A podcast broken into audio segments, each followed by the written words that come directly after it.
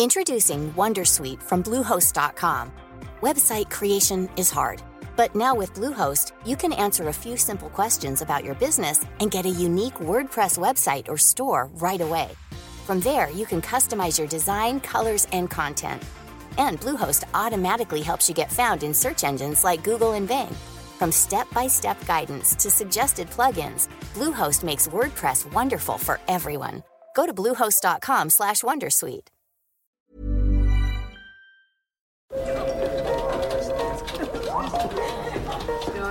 Dette er lyden av norsk næringsliv. Akkurat nå tas det små og store valg som kan bli avgjørende for fremtiden. Med økonomisystemet X-Leger tas disse beslutningene basert på informasjon i sanntid, slik at drømmer og ambisjoner kan bli virkelighet. Få kontroll og oversikt, gå inn på xledger.no. Denne sendingen er sponset av Xledger. Sendingen sponses av nettmegleren CMC Markets.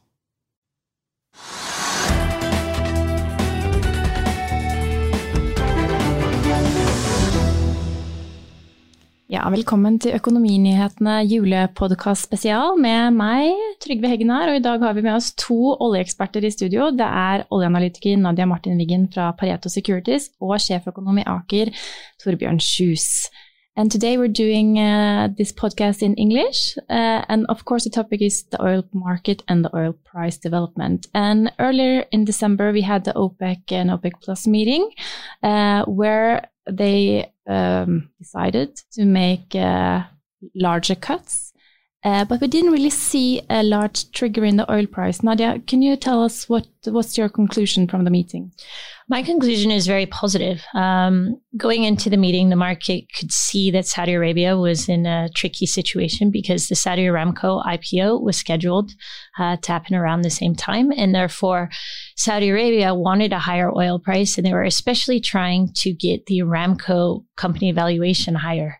Um, they were hoping for $2 trillion, and the market finally allowed them to issue um, the shares at 1.7 trillion. But then they needed a stronger oil price. Um, before the meeting, Iraq had been saying that maybe we will deepen the cuts by 400,000 barrels per day, but the market didn't really believe that it would be a real cut because uh, Iraq has not been complying and Saudi Arabia has been over complying. So what the market really wanted to hear was that Saudi Arabia was committing to deeper cuts. And that is what they did. And although the oil price didn't go flying, it did strengthen. On the Tuesday before the meeting, we were at $60, just under $60.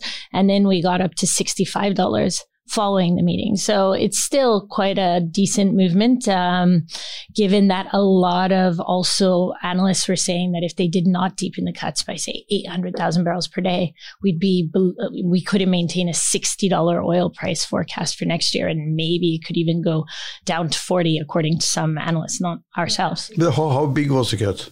So the cut is if we trust that Iraq and um, Nigeria will participate more versus what we had initially seen, is 200,000 barrels per day. Absolutely, that Saudi Arabia will be cutting below their previous number of 9.9 million barrels per day, which is what they've produced now in November. So that means 9.7. Um, Iraq has been under complying by around 150,000 barrels per day, and now they need to cut an additional 50,000 barrels per day. So that's 200 if we look at where we are versus the average, because they're really under threat um, from Saudi Arabia that if they do not comply, Saudi Arabia will boost production a lot. Nigeria has been undercutting by around 100,000 barrels per day, and then Russia has been undercutting by around 70,000 barrels per day, and they need to also. So, so what's the net effect? It Wasn't it so, 1.2 million plus well, so, what? Plus X? Well, plus 500 is what they call it. Plus 500. And yeah, that's the that, first quarter of 2020, right? Yes. Yeah. I thought it was plus 500 and plus 400,000 more. Yes. Well, it's in terms of what the official, it's plus 500 plus, I would say, around 300 okay. of what is believable. It's a big cut. It's yeah. a big cut. Yeah, I guess you're talking about the uh, original uh, 1.2 from million. last year, where OPEC was supposed to take uh, 0.8 and then non-OPEC uh, 0.4. Um, in reality, looking at the numbers, um, of course, the, the cuts have been much larger because of Venezuela and Iran. But the countries that uh, has voluntarily cut almost delivered the 0.8, and now they're delivering somewhat more. But I think also very interesting is that um, they scheduled another meeting for uh, 5th and 6th uh, of um, March. Mm. So it's an extraordinary meeting. Uh, where they will go through the situation again. And that's uh, so the latest uh, years they've been doing only two meetings per year, type June and December, uh, and now it's going to be more. You know, it's going to happen more often, maybe uh, also after that meeting, because then you will have a, a possibility to see what typically Iraq and Nigeria is doing. If they don't cut anything now in January and February, that's that could be a kind of a dangerous point because uh, what will Saudi Arabia then decide to do? But it could, excuse me, it could still be oversupply. In the first quarter, we do not see a likely situation for oil supply if we do not have a demand uh, collapse. We still see demand growing year on year next year, and we have a very important meeting coming up or decision coming up between the US and China whether they impose further tariffs. So if demand still uh, holds up, then especially with IMO, haven't, haven't we seen a sort of softening on the demand side? We, we've absolutely seen yeah. a softening uh, this year, but we're still growing. So this we're growing, that's true. But talking about going back to the oil price, uh, the cuts triggered a slight, uh, slightly higher price. Mm-hmm. Uh, you talked about 60 to 64, but now when we're doing this podcast, the 12th of December, even though we're going to air it a little later in December, uh, the oil price is still just below $64, and it's not a huge trigger in the price range. And we heard uh, Rystad Energy saying that if they didn't cut, we could go down to $40. But is the downside scenario still, is it, is there no risk for downside at this point?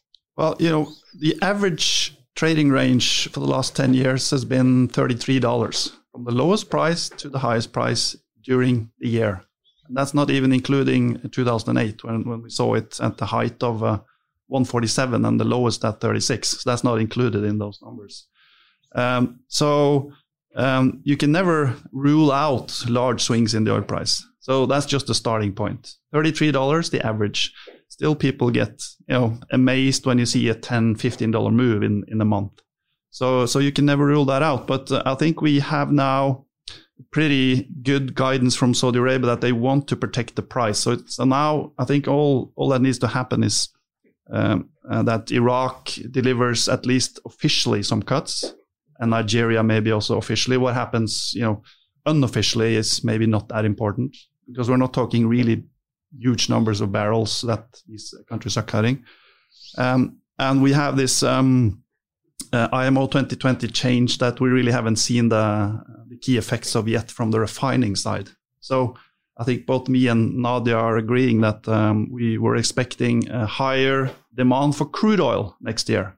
So crude oil demand next year could increase uh, actually a lot more than demand for the total products.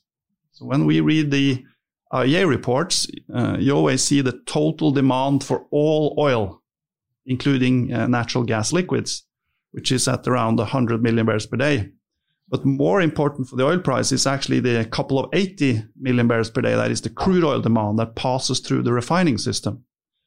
Uh, and in order to satisfy that, uh, what we believe will be the incremental uh, demand for uh, for middle distillates uh, type diesel, uh, to satisfy um, the shipping industry and, and, their demand for low sulfur fuels, uh, that could be very price supportive uh, next year. So that's the reason why I, I think it's uh, not very likely to see forty dollars in, uh, in 2020. But do you think it's likely to see seventy or eighty?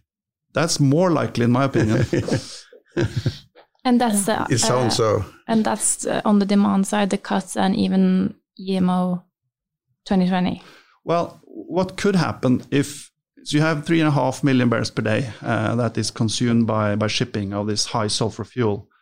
Um, and if the refining system um, is not able to destroy all that and transfer it to, to become more high value products, um, a, a, bit of that has to find a new market. The only new market it could find is power generation. And that's the big question that maybe three, four, five hundred thousand barrels per day needs to go into power generation, that will end up as incremental demand in the headline numbers. But we're talking about OPEC and OPEC plus, but don't you expect that Norway and Brazil and the United States will produce more oil going into 2020? Yeah, definitely. So, so you know, the main contributor will still be the U.S. Um, so it's a big wild card. People are expecting from 500,000 to one and a half million barrels per day next year. I've seen it in that large span between different analysts. Uh, I've met analysts over in the US, which are specializing on that industry, actually saying they're expecting only half a million barrels per day next year. Uh, because you're talking about increase now. Increase in yeah. uh, in U.S. oil production, and uh, and you have others expecting one and a half. So could it be two or three? Uh, that if the oil price gets high, have, en- high enough, you, of course. You, a, you have underestimated the shale, shale, production all the time, yeah, most of you. Yeah, yeah. So so it's not underestimated. Most of the experts, you know. well, I of course spent years at Rystad. So. it's been it's so so generally it's been underestimated every year. So maybe yeah. 2020 could be the first year where actually uh, it's disappointing despite not having an oil price crash because what you have seen uh, recently now is that uh, the IEA, um, uh, OPEC, and Department of Energy started revising down their growth uh, in the latest reports, which is you know, logical, I think. The other important point about the um, excuse me shorter period in between the meetings is that I think that OPEC has finally learned that long, weak cuts are not the most supportive. It's much better to deepen cuts and see how it goes. And we're still trying to figure out exactly how the timing will be on the demand side of IMO 2020.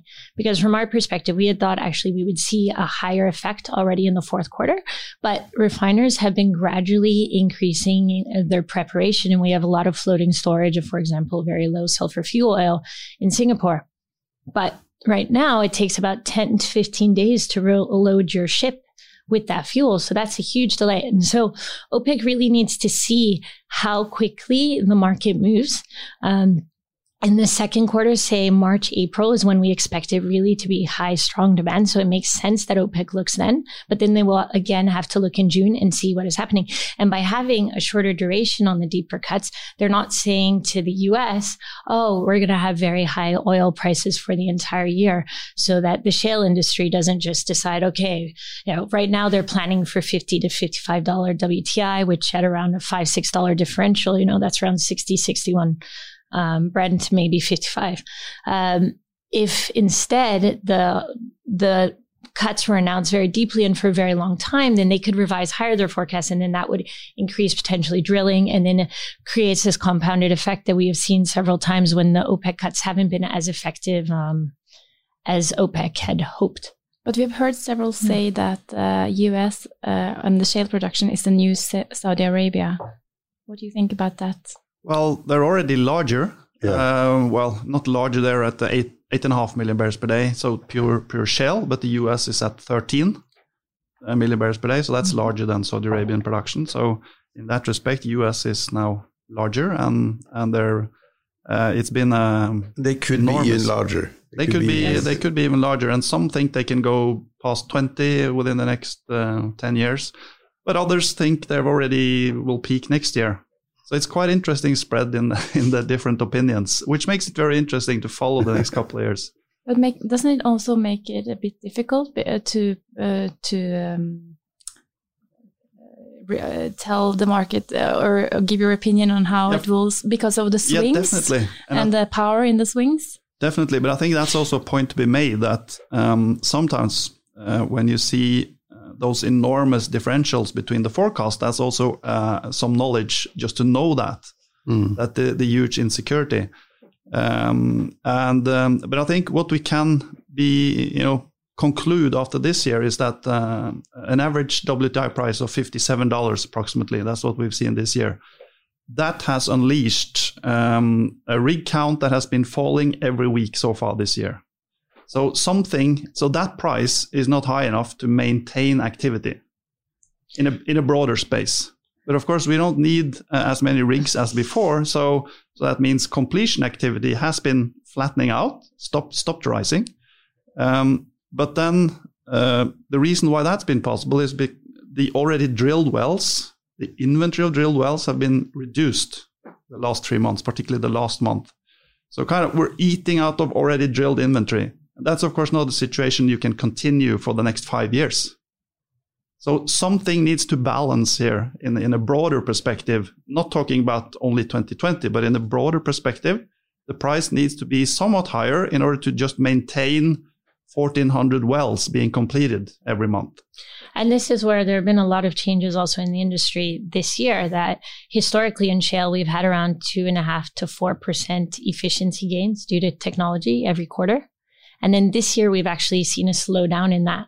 So when we look towards modeling next year, do we think that everything is exhausted? Probably not, but then maybe. So when we look at some of the lower forecasts, they're looking at okay, we're not having as steep a trajectory in gains on the on the rig count. So now the the length of these you know the drilling wells it's two miles instead of one mile or half a mile historically and that's why they need fewer fewer rigs and that's where uh, as Torbjørn points out you know the completion activity is what is very important to keep a rate of and the super majors you know that have Exxon for example is the largest driller in the Permian they're they've actually backloaded quite a lot of what their uh, completion and actual production should be versus the rig count. So this is still coming. So we think completions will peak sometime in the first quarter.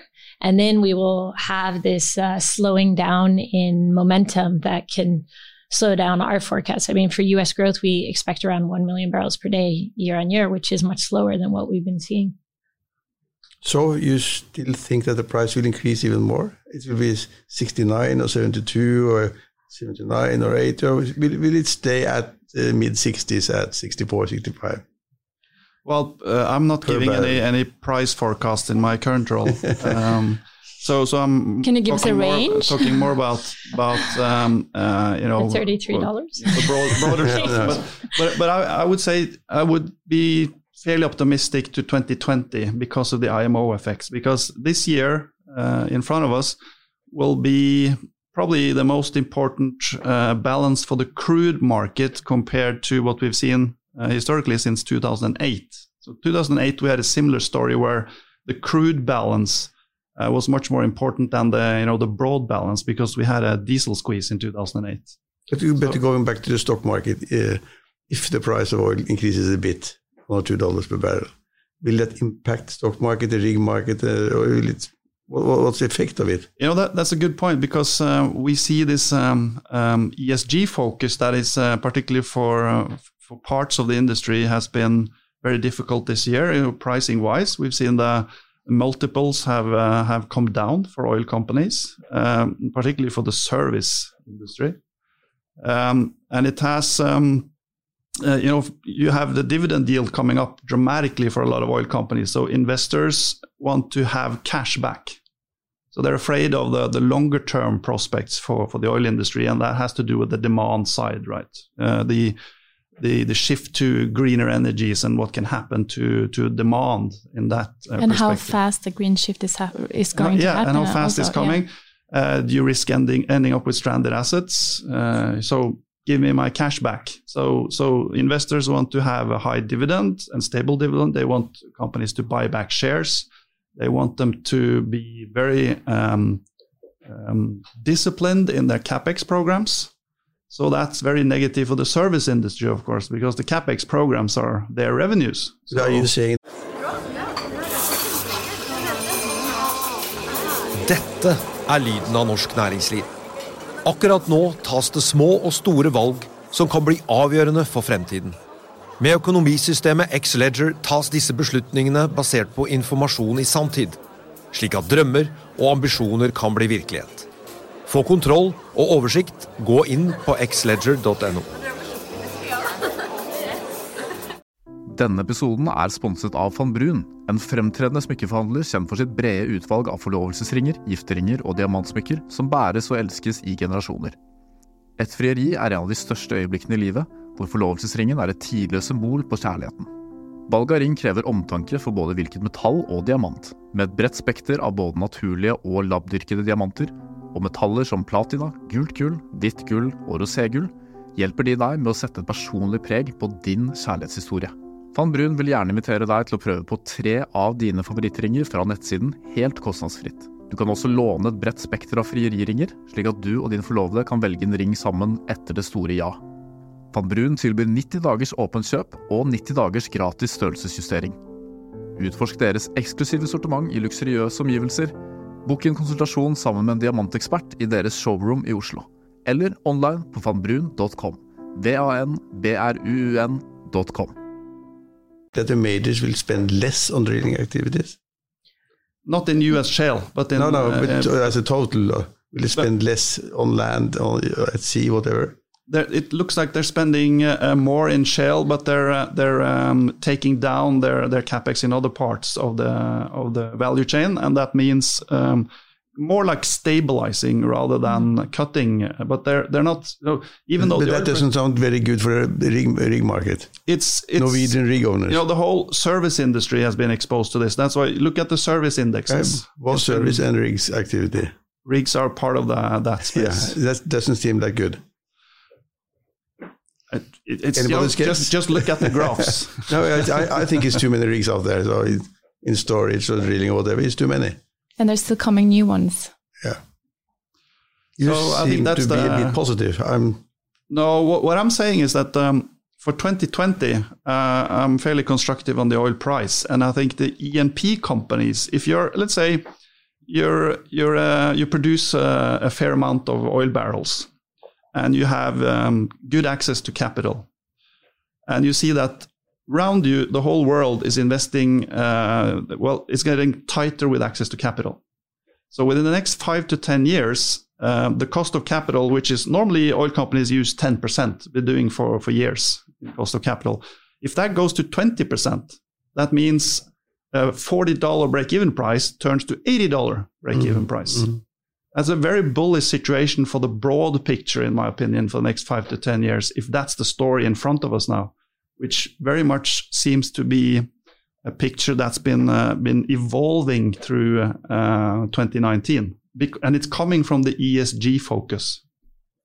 And this is where I think also some of the E&P companies or the super majors, you know, they're trying to figure out their strategies and really changing. So you have the company like Equinor or Shell that are really focusing on new energies and in in Equinor's case, of course, uh, in terms of windmills and you know electrification of the NCS, that that has been their focus. On Shell's side, they've been very focused on the downstream. So looking at the actual filling stations, and so as they evolve, they will still continue to be a huge oil and gas producer. But where, absolutely. yeah, but what they want to use some of that capital towards is just saying, okay, we are used to providing uh, fuel for your car and making sure it's always there. Now we will do it with renewable resources, and this is our competitive advantage is on that supply So chain. So it sounds nice. Yeah, but I mean, they, uh, but this is where, It's- well, it's sort I know, but I, I know, but I, I think it's a really growing division, and I think that in yeah. that particular spot, they do have a good point that it's not just put up a wind farm, put up uh, solar panels. How are you actually going to have the infrastructure to deliver to the customers in a consistent way, which is you know, how, how they're looking at it. However, then there are other oil companies that are not interested in doing this ESG focus or environmental focus. And in particular, because they believe that their shareholders want to have the returns on what they actually make on oil and gas. And then the shareholders and asset managers and the investors think that they can better invest that into renewable companies. So this is where there will be very different strategies. But when we look towards 2040, you know, still we believe a huge proportion of, um, of energy demand will be fulfilled by oil and gas. Of course, renewables is the fastest growing, but oil and gas together combined is still greater than renewables. I think, I think one of the key problems here, if you look at the IEA World Energy Outlook, uh, they say you need about $700 billion invested every year, um, even, even in um, uh, demand, flattening demand scenario, just to keep enough supply coming into the market. So that means, let's say uh, this capex drops from 700 to 600 because uh, access to capital is tightening for, for the smaller players and the oil majors are shifting their investments from know, oil and gas over to, to renewables. That could be a very potent recipe for basically too high oil prices for everyone. Um, there's a risk that this could uh, uh, unleash uh, even a global recession. You know, in, in 2011 to 14, the world spent about 5% of its value creation on oil. We had then $110 average price. Let's say we go to 200 uh, price, that, that would be too much for the world to spend on oil. It would probably unleash a global recession. That is that that's possibilities that is in front of us, um, because that could happen if you underinvest, and it doesn't. That could happen even in a flat uh, oil demand scenario, if if investments are cut too much, and that's what I'm kind of afraid of here in in a, in a five to ten year perspective. That that's a very plausible scenario. Um, and and the the more uh, the more this kind of becomes the the main story, and the more investors are uh, believe that oil demand will peak already next year, for example, they will just drag back cash all the time. It, it, it'll make it so much more expensive to to get their hand on uh, on cash for, for for for the oil companies. Look at coal, for example, which um, you know eight years ago uh, investors wanted about uh, 15% return in order to participate in a coal investment. That has risen to 40% now. If oil goes through the same path, uh, it's very very bullish for the oil price. And you can't underestimate the, the fears and risk side of the the, the, the story either, because uh, this year we had the drone attack on Saudi Arabia, and you have geopolitical uh, regions that are more or less uh, in risk of having uh, development that will be bad or good for the oil price, depending on depending on which way you wanted to go. But you see any potential risk regions or countries that could be uh, have a great impact if something happens on the oil price? We always have the same suspects as before. It's uh, Iran, Iraq, uh, Venezuela, and Nigeria. Um, and now we have a U.S. election, so you know. Yeah, there's a there's a lot of risk. That's a new player. If Elizabeth Warren or Bernie Sanders, the, the uh, election in, in itself. Yeah, well, exactly. But in, in February, we already have the first Iowa caucus. That's February 2nd. And if it looks like Elizabeth yeah. Warren is winning, uh, That's not good for the business. It's it's well, it's good for the oil price. Very good for Norway. The price looks like it will go higher uh, in the very short term, though. The probably the the rig rate and the drilling would increase in the U.S. because they're so scared they wouldn't be able to drill afterwards. Um, so, so that is a new, uh, I think, development yeah, they, that the US if, is less known. That's that's true. But if they in the US has to pay much more taxes, they have less to spend. Mm. That's you know yes. don't have to, yeah, on, on, a demand side, absolutely. That absolutely. Is, uh, that is definitely depends on how, how what sort of taxes they will implement or what high the tax rate will be. But if they actually do what they're saying now, I think most companies, including the big oil companies, they will say, okay, we will we will invest less. We don't have that money money anymore. Yeah, exactly. So that could actually end up being more positive for the oil price than negative, even though it might you know hit the consumers as well, of course, through the general economy. But uh, but the supply side could be hit harder in such a case. Yeah, maybe. But going back to where we started, we got these cash cuts, mm. 1.2 million, million plus plus plus. Are you actually disappointed, or what with the price of 64? So is, it, is that disappointment? Could it yeah, what did you actually think that they got the news? Uh, I mean, around 64, 65 in terms of the immediate news. I think what we've had the last few OPEC meetings is whatever they decide, the price always goes down the yeah. week afterwards. This time it has actually stayed stable. They the cuts came out. We had thought that they would increase the cuts by around 400,000 barrels per day, which depending on compliance, you could argue that that is what they have done. From a pure game theory, what is Saudi Aramco and Saudi Arabia able to push through and save face uh, at the same time. Having said that, our base case oil price outlook for next year is $66. Um, okay, not high. 66. No, we, we had it at 68 um, earlier in August for next year. The reason we actually brought it down is because of the faster startup of Johan Sverdrup and the faster completion of eight FPSOs in Brazil. So now we have Norway growing, um, you know, 450,000 barrels per day year on year, in Brazil almost 500,000 barrels per day year on year, and that's higher than what we had expected uh, last year. So it's really those two regions that are driving it the most. And also another country that we expect to grow year on year is Canada. Because they have been having cuts and they have been having all sorts of infrastructure delays. So that is another 200,000 barrels per day. So that is what is actually putting the pressure. Um, but in the first half of the year, we expect, because that is more known in terms of the cuts, we expect that there will be higher compliance than we've seen, especially from Iraq and Nigeria. And then Saudi Arabia will want to reward them and extend the cuts most probably in the second quarter. So we see a very positive first half of the year. And that's where, you know, in the second quarter, our base case outlook is $70. We had 74 before. But the thing that when we go back to the investor mood, you know, we had this uh, uh, attack on Saudi Arabia and we only got up to 75 for one day. And so the belief in the the oil prices when we look at overall open interest and the number of people buying oil and selling oil, um, we're at a much lower level than we were in May 2018 you know, which was before the OPEC meeting and when the first Iran sanctions were coming. So this is where you know, we want to see evidence that people are coming back in uh, to the sector. Um, one other thing that I think that has changed this year in terms of risks is that we've had some of this risk premium we're used to having in oil move on to shipping. So when we look at you know, our shipping analysts always look at uh, shipping in terms of dollars per day, but for an oil analyst, uh, you know, Torbjørn and I would look at what is the cost per barrel. So we had the oil. So it, you know, it, earlier this year, prior to that attack, it was costing around four dollars a barrel to send West African crude um, over to Asia. That jumped up to $12 a barrel. It jumped up for one day up to $18 a barrel.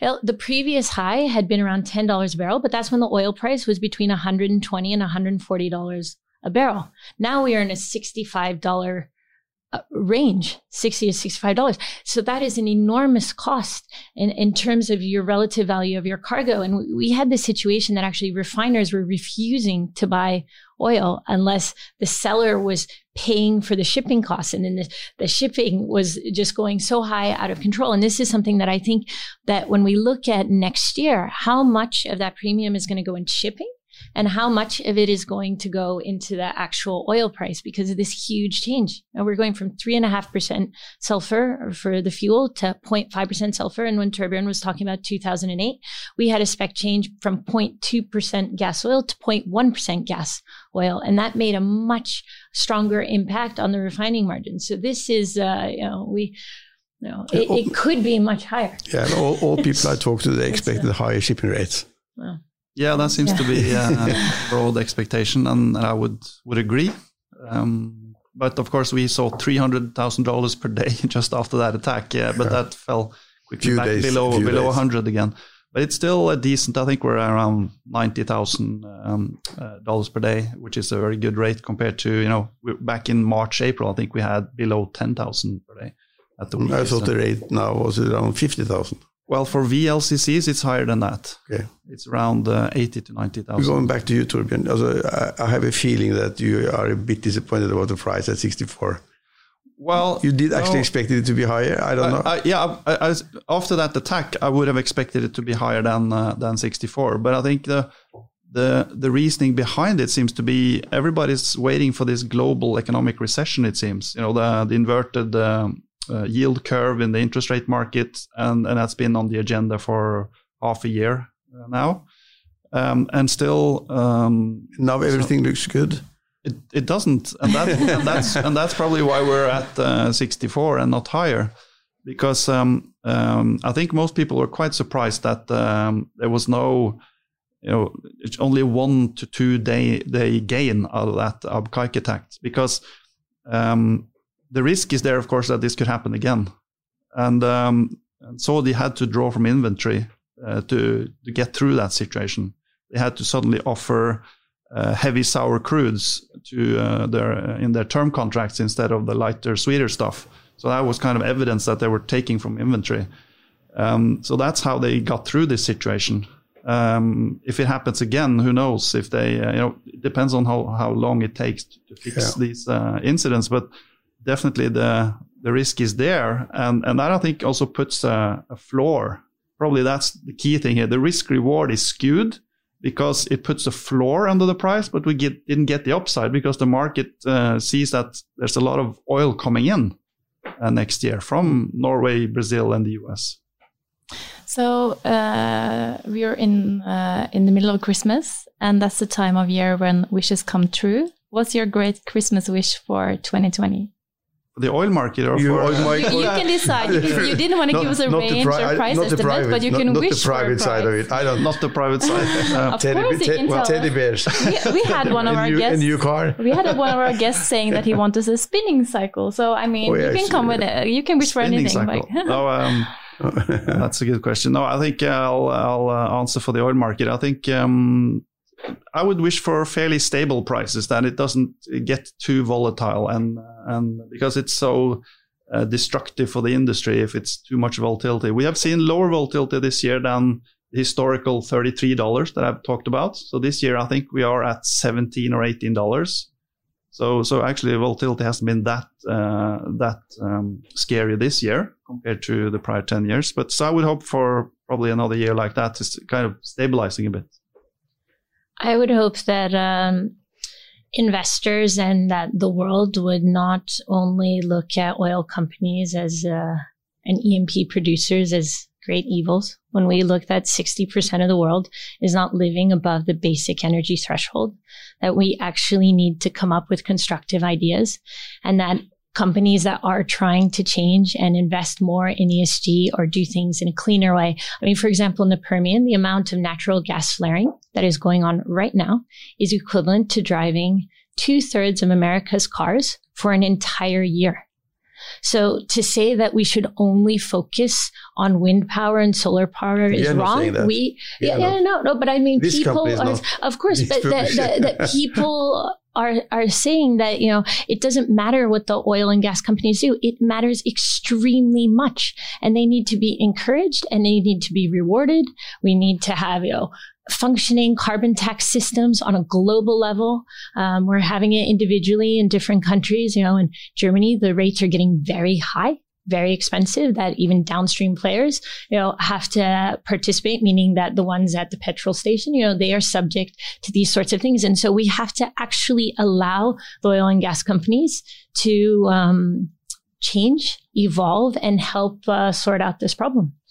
Um, you actually so believe, that is what I you wish. actually believe in the green, green change. It's uh, of course I moved to Norway to ski. We need snow. yeah, let's wish for some warming. white slopes in the in the wintertime as well. Thank you for joining yeah. us for this Christmas special, and we wish you a Merry Christmas and a Happy New Year. Same to you. Thanks. Thank you.